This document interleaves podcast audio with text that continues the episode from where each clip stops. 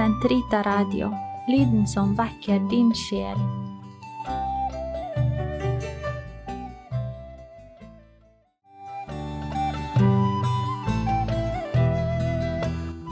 Sentrita Radio, lyden som vekker din sjel.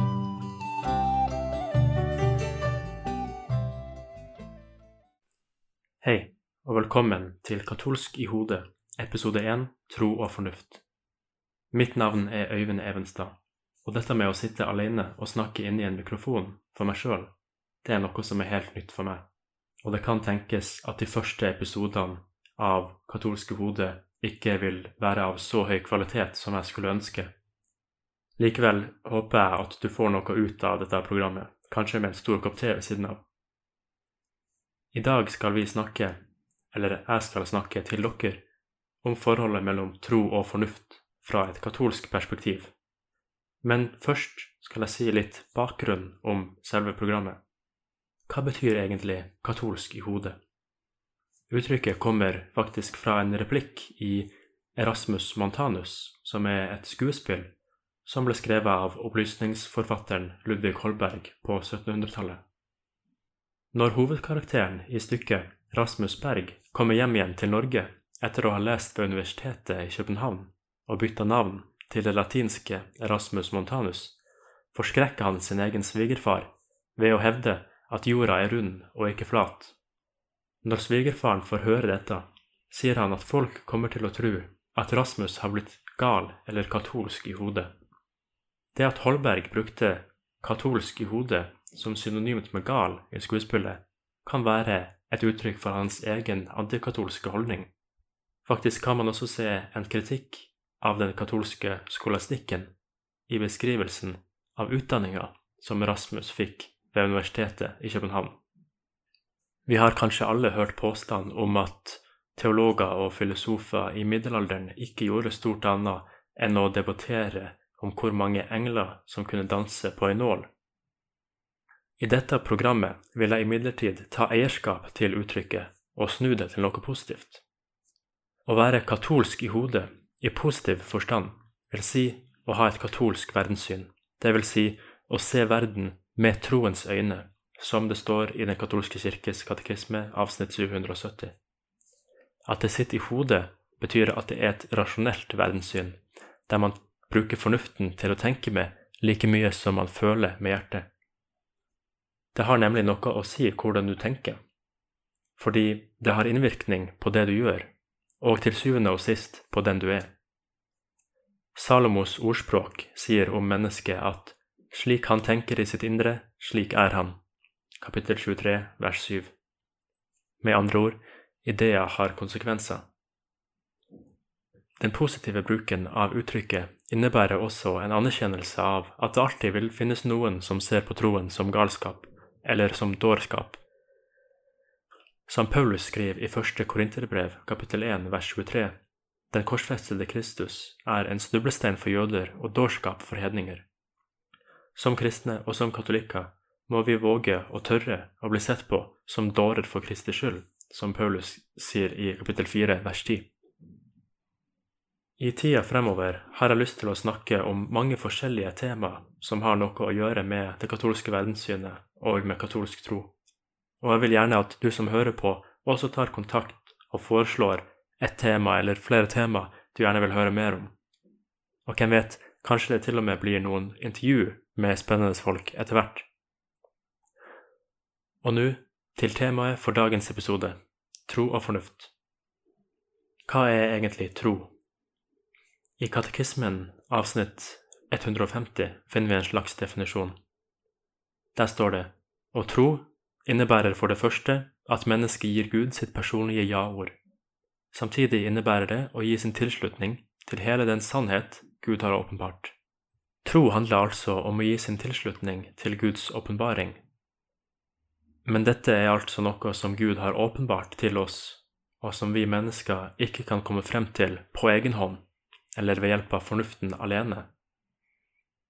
Den som sier at det eneste vi kan vite noe om, det vi kan komme frem til ved hjelp av fornuften, gjør seg skyldig i en form for rasjonalisme fra det latinske ordet for fornuft, ratio, Som kristne og som katolikker tror vi derimot at tro er en kilde til kunnskap like mye som fornuft er det. Helt fra begynnelsen av kirkens historie har kirkefedre og kirkelærere strevd med å forstå det riktige forholdet mellom tro og fornuft. Den oldkirkelige teologen Tertulian var tydelig i sitt syn på saken. Han spurte retorisk hva har Aten med Jerusalem å gjøre? Byen Aten symboliserte for Tertulian den greske filosofien, spesielt Sokrates, Platon og Aristoteles. Disse hedenske filosofene var det flere av kirkefedrene som hadde prøvd å døpe eller gjøre forenlig med kristen teologi og åpenbaring, som på sin side ble symbolisert av byen Jerusalem. Det finnes altså i Tertulians øyne tilsynelatende en konflikt mellom Jerusalem og Aten mellom religion og filosofi, eller vitenskap, som vi ville sagt i dag, og derfor også mellom tro og fornuft. Tertulians budskap var at tro og fornuft ikke har noen ting med hverandre å gjøre. Dette er et syn som kalles fideisme, fra det latinske ordet for tro, fides. Tertulian gikk så langt at han sa 'jeg tror fordi det er absurd', altså 'jeg tror fordi det er i strid med fornuften'. Men ofte er det motstanderne av kristendommen som påstår at tro og fornuft ikke lar seg forene. Den britiske biologen Richard Dawkins, som ble kjent som en såkalt nyateist, med boka The God Delusion i 2006, har for eksempel sagt at religion er en vrangforestilling, fordi det innebærer å tro på noe som strider mot det fornuften gir oss. Den katolske kirke har derimot forkasta fideismen like mye som rasjonalismen og formuleringa 'jeg tror fordi det er absurd' kan ikke være beskrivende for sann katolsk kristendom. Det stemmer riktignok at troen overgår fornuften, men troen kan aldri gå imot fornuften. En mer passende oppsummering av det katolske synet kan man finne i et sitat fra den hellige Anselm av Canterbury, som regnes som skolastikkens grunnlegger. Han sa 'Troen søker å forstå'. Katekismen bygger videre på dette sitatet i avsnitt 158. Der står det at det er innebygget i troen å ville kjenne bedre Han som den troende har skjenket sin tro, og bedre forstå det Han har åpenbart. Dypere kjennskap fører til sterkere tro, en tro mer glødende av kjærlighet. Vi kan oppsummere det vi har snakka om så langt, ved å sammenligne vårt forhold til Gud med et forhold mellom to mennesker. Ved hjelp av fornuften kan vi finne ut veldig mye om en annen person, men vi kan ikke virkelig bli kjent med den andre personen før den personen åpenbarer seg sjøl til oss. Men når den andre personen først har åpenbart seg for oss, vil også vår kjærlighet til den personen vokse etter hvert som vi lærer å kjenne personen bedre, og det kan vi også bruke fornuften til. På samme måte kan vi også komme frem til kunnskap om Gud ved hjelp av fornuften. Men vi kan ikke virkelig kjenne Gud og være i et personlig forhold til Gud uten at Gud åpenbarer seg sjøl til oss.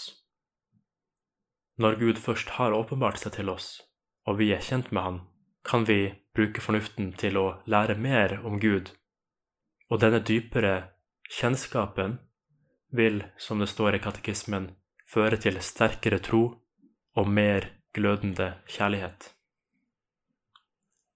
Den katolske kirke lærer altså at det ikke finnes noen reell motsetning mellom tro og fornuft. Det første Vatikankonsil slår fast i den dogmatiske konstitusjonen Dei Filius fra 1870 at selv om troen er fornuften overlegen, kan det aldri eksistere noen virkelig uoverensstemmelse mellom troen og fornuften, ettersom den Gud som åpenbarer mysteriene og skjenker menneskene troens gave, også har inngitt fornuftens lys i menneskets ånd. Denne Gud kan ikke fornekte seg selv. Heller ikke kan sannheten noensinne være i strid med sannheten. Kort sagt, det er Gud som har gitt oss fornuften, like mye som han har gitt oss troen. Men Gud kan ikke motsi seg sjøl. Derfor kan heller ikke tro og fornuft motsi hverandre. I Katekismen avsnitt 1730 står det Mennesket er fornuftig og derved lik Gud. Dette svarer til den klassiske definisjonen av mennesket som et zoon logikon, eller fornuftsvesen. Det er altså i vår gudgitte fornuft at vi ligner mest på Gud, at vi ser at vi er skapt i Guds bilde. Den hellige Thomas Aquinas, den store teologen og filosofen på 1200-tallet, som også blir kalt den englelike lærer, har spilt en helt sentral rolle for kirkens forståelse av harmonien mellom tro og fornuft, så vel som forholdet mellom natur og nåde og mange andre ting. Den hellige pave Johannes Paul 2. skrev i sin encyklika Fides et ratio, eller Tro og fornuft, fra 1998 at akkurat som nåden bygger på naturen og fullkommengjør den, slik bygger troen på fornuften og fullender den. Av denne grunn har Kirken med rette alltid fremhevet den hellige Thomas som en tankens mester og et forbilde for dem som beskjeftiger seg med teologi. I neste avsnitt står det at Thomas var overbevist om at alt som er sant, kommer fra Gud, og han søkte sannheten uansett hvor den var å finne. Derfor nølte han ikke med å gå i dialog med både antikkens filosofer og tenkere som fantes i andre religioner på hans egen tid. I den samme encyklikaen skrev paven også Tro og fornuft er som to vinger. På dem stiger menneskeånden opp for å skue sannheten. Gud har nedlagt i menneskenes hjerter en lengsel etter å kjenne sannheten og ham selv, han som er kilden til all sannhet. For at menneskene, når de lærer å kjenne og elske ham, kan nå frem til den fulle sannheten om seg selv. Nå har jeg sagt en del om forholdet mellom tro og fornuft fra et katolsk perspektiv, selv om jeg bare så vidt har skrapt i overflata. Dette temaet kommer nok til å ligge som en rød tråd gjennom alle episodene i dette programmet. Men hva betyr egentlig alt det her for oss som katolikker i dag? Det betyr, for det første, at vi ikke har noe å frykte fra rett fornuft. Gud er et fornuftig vesen, hvis det går an å kalle Gud for et vesen i det hele tatt. Og vi kan til og med si at Guds fornuft ble inkarnert som et menneske da ordet ble kjød. Det greske ordet logos kan nemlig bety både ord og fornuft, i tillegg til en del andre ting. Ordet logikk kommer eksempel fra logos. Dette er noe vi kan tenke over nå i juletida. Dessuten har Gud skapt oss mennesker i sitt bilde, sånn at vi også har fornuft. Dette er noe av det viktigste som skiller oss fra resten av skaperverket. Jo mer vi bruker fornuften og lar fornuften styre handlingene våre, jo mer lik Gud blir vi. Men jo mindre vi bruker fornuften og lar handlingene våre bli styrt av irrasjonelle begjær, jo mindre lik Gud og jo mer lik dyr uten fornuftsevne blir vi. Det betyr for det andre at vi ikke har noe å frykte fra sannheten. Fornuften som Gud har gitt oss, er jo nettopp retta mot sannhet. Og det er Gud som er sannheten. Det har han jo sagt sjøl. Jeg er veien, sannheten og livet står det i Johannesevangeliet kapittel 14 vers 6. Sannheten kan ikke motsi seg sjøl. Og hvis vi tror at det troen forteller oss, er sant, da gir det ingen mening å frykte at det skal bli motsagt av fornuften. Derfor har katolisismen aldri vært redd for spørsmål av både undrende og kritisk art. Thomas Aquinas hovedverk, Summa Theologia, består nettopp av en rekke sånne spørsmål. Et av de første spørsmålene lyder Eksisterer Gud? Her begynner Thomas ved å presentere ateistiske innvendinger mot teisme altså troen på Gud, som han så tilbakeviser. Deretter presenterer han en rekke argumenter for Guds eksistens, såkalte gudsbevis. Her kommer vi inn på et område av teologien der fornuft spiller en særlig viktig rolle, nemlig i såkalt apologetikk eller trosforsvar. Men det skal jeg ikke si noe mer om nå, for det kommer til å bli tema for neste episode. Til slutt vil jeg bare understreke at katolisismen, vår tro, er en fornuftig tro. Vi må ikke være redd for å stille spørsmål om troen, i frykt for at det ikke finnes noe godt svar. Kirkens mange katekismer har tradisjonelt sett vært bygd opp med en spørsmål- og svarstruktur, og den nye katekismens kompendium er også bygd opp på en sånn måte. Spørsmål og svar har altså vært viktig for Den katolske kirke gjennom hele dens historie, og nesten uansett hva slags spørsmål vi har, så kan vi være ganske sikre på at kirka allerede har tenkt på det og kommet med et svar. Ikke bare et svar av typen 'fordi vi sier det', men et fornuftig svar, et svar som gir oss grunner til å tro på Kirkens lære. Jeg håper at det er noe vi kommer til å se i de neste episodene av Katolske hode. Men det får være nok for denne gang. Tusen takk for at du valgte å høre på Katolske hode i dag. Mitt navn er Øyvind Evenstad, og jeg håper at du har det veldig bra der du er. På gjenhør.